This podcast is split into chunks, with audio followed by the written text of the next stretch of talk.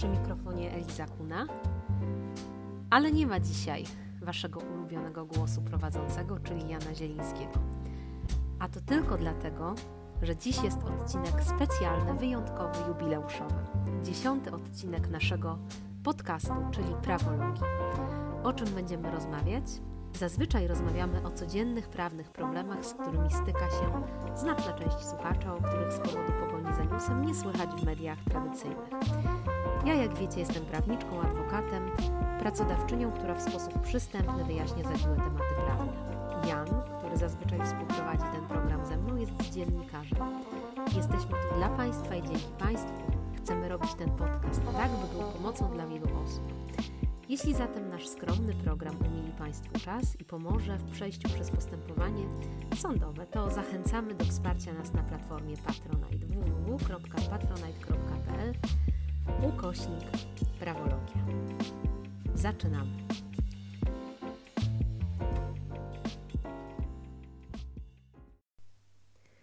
O czym dzisiaj będziemy rozmawiać? Dzisiaj będzie odcinek osobisty. Moja osobista historia o trudnej i krętej drodze, która miała wiele wiraży, mm, a doprowadziła mnie do tego, że dzisiaj jestem adwokatem, czy jak mówią feministki, adwokatką.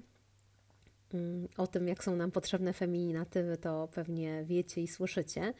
Ja nie przypadam za słowem adwokatka, bo brzmi dla mnie nieco infantylnie, ale tak czy inaczej jestem prawniczką, y, a moja droga do zawodu wcale nie była ani usłana różami, ani prosta, ani oczywista. I dlatego mam nadzieję, że ten odcinek pomoże wielu osobom, które szukają swojej drogi życiowej, a wiem, że słucha nas wielu prawników, wielu studentów prawa, czy osób, które marzą o takiej karierze. Od zawsze, kiedy byłam małą dziewczynką, miałam takie silne poczucie sprawiedliwości, a także poczucie niesprawiedliwości. E, I zawsze miałam potrzebę działania, działania w społeczności, działania w imieniu e, moich kolegów, koleżanek, e, właściwie już od przedszkola. Właściwie od pierwszej klasy byłam przewodniczącą samorządu szkolnego i jakoś tak się utarło, że to może Eliza powie, może Eliza zabierze głos, może ona będzie osobą, która mm, wystąpi w imieniu innych.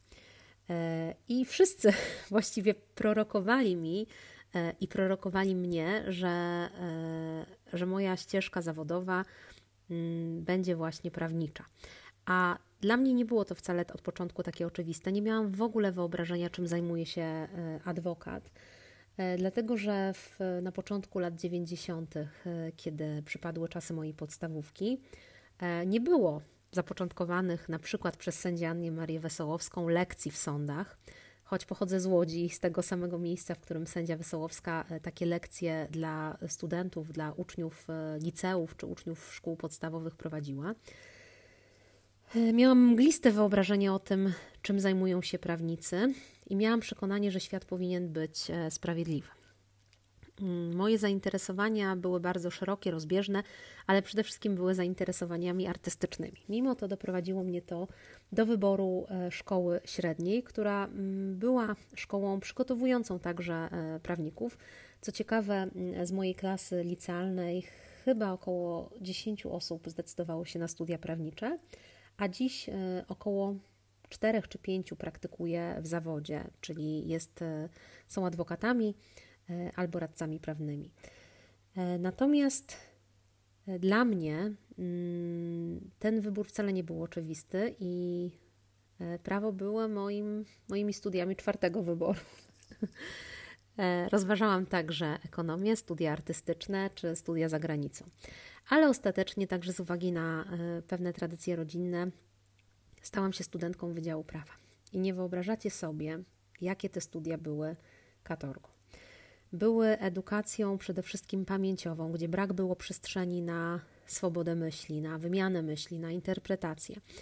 E, były dla mnie, mówiąc szczerze, wieloma godzinami dość nudnych wykładów, czysto teoretycznych, gdzie jedyną prawdą objawioną jest prawda wynikająca z kodeksu, co w sumie w dzisiejszych realiach praktyki zawodowej nie powinno nikogo dziwić, ale wówczas E, nie tak sobie wyobrażałam studia. Miałam wyobrażenie z filmu e, Stowarzyszenie Umarłych Poetów, w którym e, profesorowie zabierają studentów na łąkę i dyskutują z nimi ich własne interpretacje, zainteresowania. Proszą ich, aby wypowiedzieli się na temat tego, co myślą, co czują, co przeczytali, jakie są ich spostrzeżenia.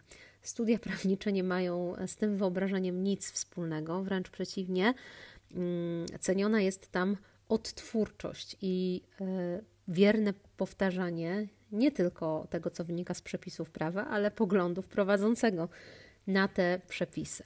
Z tego powodu moje studia prawnicze wcale nie przekonały mnie do tego, by tym prawnikiem zostać, wręcz przeciwnie, zawiodły mnie w zupełnie inne kierunki, czyli zachęciły do studiowania na innym wydziale. Otóż w trakcie studiów prawniczych podjęłam drugie studia na Wydziale Ekonomiczno-Socjologicznym Uniwersytetu Łódzkiego. Były to studia innowacyjne, wówczas nowatorskie. Było to właściwie w okresie wchodzenia mm, Polski do Unii Europejskiej. E, I studia o egzotycznej nieco nazwie europeistyka wydawały mi się być e, taką świeżością, powiewem świeżości i odskocznią od właśnie nudnych, żmudnych, trudnych i pamięciowych e, wykładów mm, i egzaminów na studiach prawniczych. O tym, co wydarzyło się dalej na europeistyce, już za chwilę. No dobrze. To nadeszły czasy europeistyki. Wyobrażałam sobie to jako studia o Europie, o krajach Europy, może zgłębiające ich gospodarkę, historię. Natomiast e, to, co mnie zaskoczyło, to że były to studia dla prawdziwych wolnomyślicieli.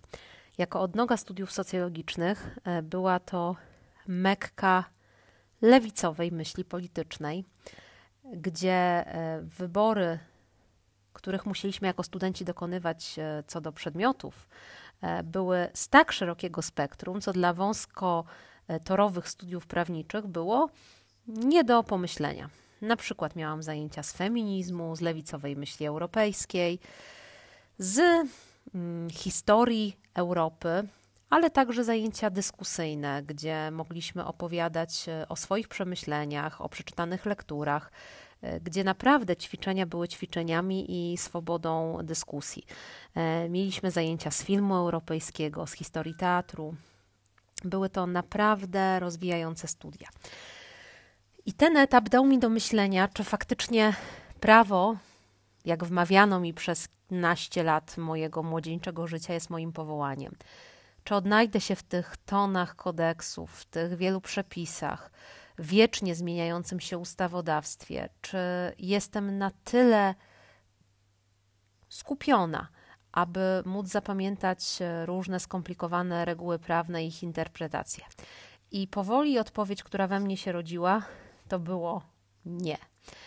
Równolegle do studiów prawniczych, e, właśnie przez trzy lata robiłam e, studia europeistyczne, gdzie finalnie napisałam licencjat, inspirowany wówczas powstającą krytyką polityczną, zupełnie niezbliżoną do moich ówczesnych poglądów, ale y, interesującą y, jako przedmiot y, badania. Pisałam o polskiej myśli lewicowej, o historii lewicy w Polsce, szczególnie w okresie potransformacyjnym. Tak czy inaczej, te studia były dla mnie odskocznią i tym głębokim oddechem, którego wówczas potrzebowałam.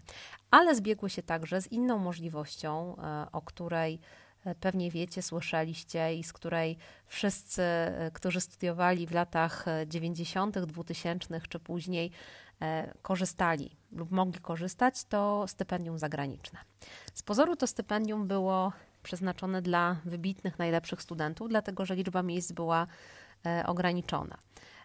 Ale okazuje się, że dla studentów, którzy mieli chęć wyjechania do mniej oczywistych E, krajów, szczególnie takich, w których językiem wykładowym nie byłby język angielski, e, była możliwość e, właśnie zdobycia tego wymarzonego miejsca mm, na studiach finansowanych częściowo przez Unię Europejską w ramach programu Erasmus. I tak właśnie wyjechałam na rok studiów prawniczych do Francji. Francja wydawała mi się być powiewem Zachodu. W końcu to kraj europejski z długą tradycją nie tylko demokratyczną, ale także w zakresie myśli prawnej. W końcu polski kodeks cywilny jest e, niemal wiernym odwzorowaniem kodeksu Napoleona. Otóż same studia prawnicze we Francji były interesującym doświadczeniem towarzyskim, ale zaskakująco podobnym do studiów polskich doświadczeniem naukowym. Otóż e, w Uniwersytecie w Po e, na południu Francji, jeśli spojrzycie na mapę między Toulousą a Bordeaux i przejedziecie palcem jakieś 120 km na południe, to właśnie znajdziecie miejscowość Po, e, pisze się Pau, w której znajduje się jeden z lepszych uniwersytetów na południu Francji, choć miejscowość jest urokliwa, niewielka, stutysięczna, malownicza, położona właśnie u stóp Pirenejów. Ale wracając do meritum, same studia prawnicze nie były, e, znowu odwołam się do Stowarzyszenia Umarłych Poetów, e, tym, e, co sobie wyobrażałam, co widzimy na prospektach amerykańskich uczelni, czyli swobodą zadawania pytań, dyskusją z profesorami. Były kolejnymi opowieściami, wykładami, przedstawianiem przepisów prawnych e, w bardzo podobnym modelu, właśnie wykładowym, kiedy profesor e, wygłasza, a studenci notują. E, natomiast te studia dały mi o tyle ciekawą perspektywę, bo zobaczyłam, że wcale systematyka prawna w Francji nie różni się tak bardzo e, od, systematyki w Polsce i daje szansę praktykowania mm, być może transgranicznie. E, więc zachęcona prawie rokiem pobytu we Francji, e, napisałam pracę magisterską na prawie i zaczęłam studia prawa francuskiego. E, szkoła prawa francuskiego była e, znowu kolejnym nurtem łączącym te dwa wykształcenia, czyli wykształcenie prawnicze i europeistyczne, dlatego że w Szkole Prawa Francuskiego w Łodzi e, we współpracy z Uniwersytetem w Tours istnieje właśnie możliwość zdobycia tytułu prawnika europejskiego, które jest także magisterium w systemie prawa francuskiego. I zadziwiający temat, który sobie wybrałam, czyli E, transport kolejowy w Unii Europejskiej i uregulowania prawne w tym zakresie, e, pozwoliły mi zarówno pogłębić wiedzę w zakresie prawa europejskiego, ale także mm, moje pasje, które wówczas były pasjami filologicznymi. No dobrze, ale wracając do meritum, czy ja wtedy chciałam być prawnikiem? Otóż nie. Wymyśliłam sobie karierę w korporacji. W korporacjach, e, które należą do grupy tak zwanej Wielkiej Czwórki. Nie wiecie, co to jest? Polecam Wam lekturę e, w internecie, czym jest Big Four e, i jak powstała, co poprzedzało powstanie Wielkiej Czwórki, co się stało z taką korporacją, która nazywała się Andersen, to pewnie temat na inny ciekawy podcast. Natomiast Wielka Czwórka była mm, no, takim miejscem, w którym nauczyłam się zawodu. Nie był to zawód stricte adwokata, ale praca w korporacji daje wiele umiejętności, które przydają się w prowadzeniu własnej kancelarii. Oczywiście, czego ja wówczas, jako 23-letnia, e, właściwie asystentka, można powiedzieć, e, pracownik najniższego szczebla, konsultant, nie wiedziałam. To jest taka nauka podstawowych narzędzi komunikacji z klientem, zaczynając od tego, jak robi się researche, poprzez to, w jaki sposób należy pisać maile, jak daje się rekomendacje, jakie warianty należy rozważyć, co należy uwzględnić, czy na przykład jakie zastrzeżenia warto y, założyć na początku odpowiedzi na maila czy pytania klienta, poprzez takie praktyczne informacje, w jaki sposób y, rejestrować czas pracy czy fakturować klienta. I to było doświadczenie absolutnie bezcenne. Mm, to były też fantastyczne e, czasy, gdzie w firmach Wielkiej Czwórki skupiały się osoby o różnych zainteresowaniach, ale przede wszystkim osoby, które chwytały wiele rzeczy w lot, miały podobne poczucie humoru, miały chęć rozwoju i e, no, dość wysokie kompetencje intelektualne, bo e, testy, szczególnie dla świeżo upieczonych absolwentów ekonomii czy prawa, uwzględniały nie nie wiedzę specjalistyczną, ale właśnie taką umiejętność szybkiego i analitycznego myślenia, rozwiązywania problemów, e, wskazywania szybkich, czasem nieoczywistych rozwiązań. E, ten proces rekrutacyjny wzmocnił moją pewność siebie, że jeśli nawet nie zdecyduję się na tradycyjną ścieżkę prawniczą, to być może mm, będę mogła wieść e, ciekawe, interesujące życie zawodowe Niekoniecznie w korporacjach zawodowych, w rozumieniu korporacji adwokackiej, radcowskiej czy innej, ale mm, będę miała szansę na rozwój właśnie mm, taki no, w wielkim świecie, e, w wielkim świecie biznesu, tak to nazwijmy umownie. Ale mm, ta praca nauczyła mnie też tego, że nie wszystko złoto, co się świeci, jak zdrapie się czasem sreberko, to zobaczy się ciężkie, wielogodzinne delegacje, pracę po 10-12 godzin, ślęczenie przy komputerze, analizę Exceli. No jednak e, pracę w korporacji, która jest pracą wymagającą i stawiającą takie duże wyzwania pod kątem pogodzenia życia zawodowego z życiem rodzinnym. Po prawie trzech latach pracy w Wielkiej Czwórce zdecydowałam się na zmianę. Ale czy już wtedy e, założyłam własną kancelarię? Otóż tego dowiecie się za chwilę. Po pracy w Wielkiej Czwórce przyszło miejsce na inną korporację, na pracę w biznesie, gdzie zajmowałam się pomocą publiczną, prawem podatkowym, ale przede wszystkim nauczyłam się rozumieć e, biznes, rozumieć jak funkcjonuje, jak działy się wzajemnie przenikają, jak czasem potrzebne jest właśnie wsparcie prawne, podatkowe, właściwa interpretacja, interpretacja przepisów i konkretne rekomendacje, czego potrzebują przedsiębiorcy do tego, żeby efektywnie swoją działalność prowadzić. No ale mimo satysfakcjonującej i rozwijającej się kariery początkującej prawniczki korporacyjnej, równoległe, zdecydowałam się na aplikację, którą można powiedzieć robiłam po godzinach, e, kiedy w kancelarii mojego patrona wieczorem pomagałam mu w przyjmowaniu klientów, kiedy pisałam pisma. Uczyłam się fachu właściwie w swoim czasie no, wolnym, gdzie po wielogodzinnej pracy w korporacjach dowiadywałam się, jak wygląda praca takiego prowincjonalnego adwokata, na czym polegają tak zwane problemy zwykłych ludzi. I paradoksalnie dużo bardziej cieszyło mnie e, to, że jestem w stanie pomóc pojedynczej osobie w najprostszej czynności jego życia, jak na przykład takiej sprawie, którą większość osób ma e, w sądzie, czyli właśnie stwierdzenie nabycia spadku po najbliższych, e, aniżeli rozwiązanie problemu podatkowego na wiele milionów złotych.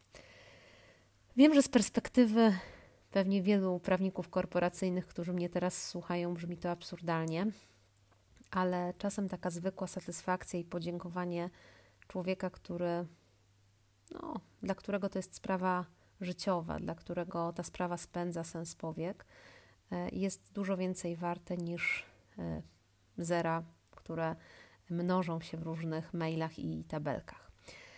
Wtedy jeszcze nie miałam wcale przekonania, że będę adwokatem. Wręcz przeciwnie, moja ścieżka kariery zmierzała do tego, aby po ukończeniu aplikacji adwokackiej wpisać się na listę radców prawnych i kontynuować pracę korporacyjną. Punktem zwrotnym i przełomowym było dla mnie ślubowanie adwokackie.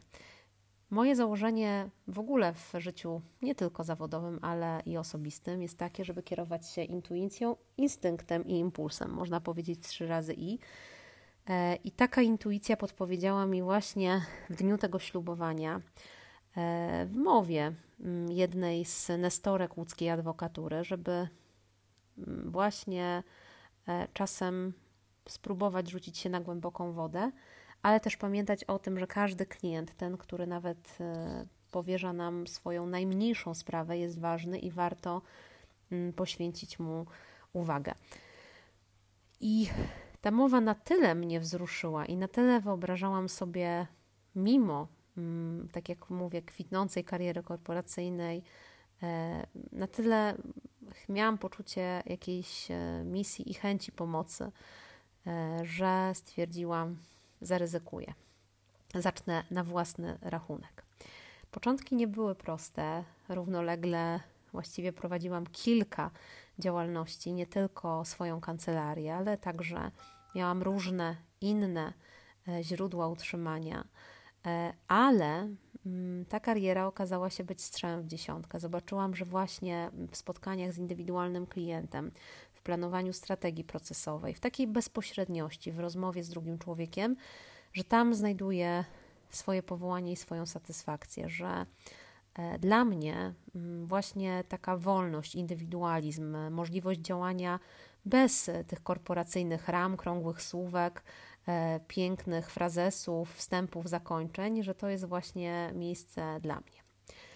Pewnie to, co ciekawi Was jako obserwatorów i słuchaczy e, naszego podcastu, to jest też to, w jaki sposób trafiłam do tak zwanych mediów tradycyjnych. Otóż nie ma w tym żadnych e, koneksji, nepotyzmu czy tajemnicy. Mm, po prostu w dobie rozwijającej się telewizji, a było to ponad 10 lat temu, redaktorzy różnych stacji, na początku mniejszych, szukali komentatorów prawnych do różnych tematów. Paradoksalnie stacji telewizyjnych nie jest dwie ani pięć, jak być może wyobrażają sobie niektórzy widzowie. E, już wtedy było ich kilkadziesiąt. Były też mniejsze stacje newsowe, stacje radiowe i właśnie redaktorzy tych małych programów e, zapraszali mnie do rozmów, ponieważ miałam w sobie taką chęć rozwijania się pasji, przygotowywania do tych rozmów, ale też takiego opowiadania o tematach prawnych właśnie w sposób przystępny. Mm, tego e, nauczyły mnie różne moje doświadczenia artystyczne, ale mm, także mm, no jakby taka właśnie chęć upraszczania skomplikowanych tematów prawnych. Dla mnie studia prawnicze i e, nauka kodeksu była strasznie hermetyczna, ograniczona bardzo właśnie takim trudnym, nieprzyswajalnym językiem prawniczym, dlatego za wszelką cenę chciałam mówić o skomplikowanych zagadnieniach w sposób przystępny, na przykładach, trafiając do ludzi.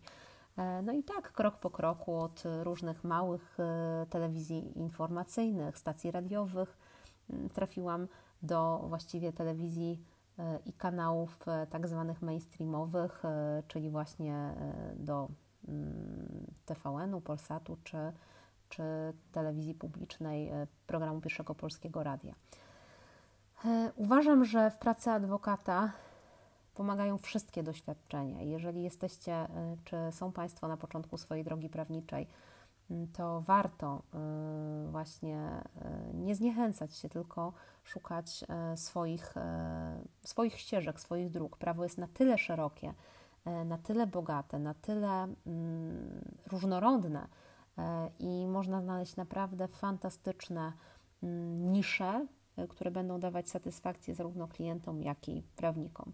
Także tym osobistym odcinkiem chciałam uczcić dziesiąty odcinek prawologii. Jeszcze raz dziękuję wszystkim naszym słuchaczom za wsparcie. Jeśli macie ochotę dalej nas wspierać, zachęcamy do odwiedzenia naszego profilu na Patronite www.patronite.pl ukośnik prawologia a już za tydzień kolejne tematy typowo prawne, gdzie będziemy pomagać naszym słuchaczom, e, naszym obserwatorom na Facebooku, Instagramie, e, którzy zadają naprawdę niesamowicie ciekawe pytania. E, dalej będziemy poruszać się w sferze prawa rodzinnego, ale może przejdziemy także do prawa spadkowego. Także obserwujcie nas i słuchajcie.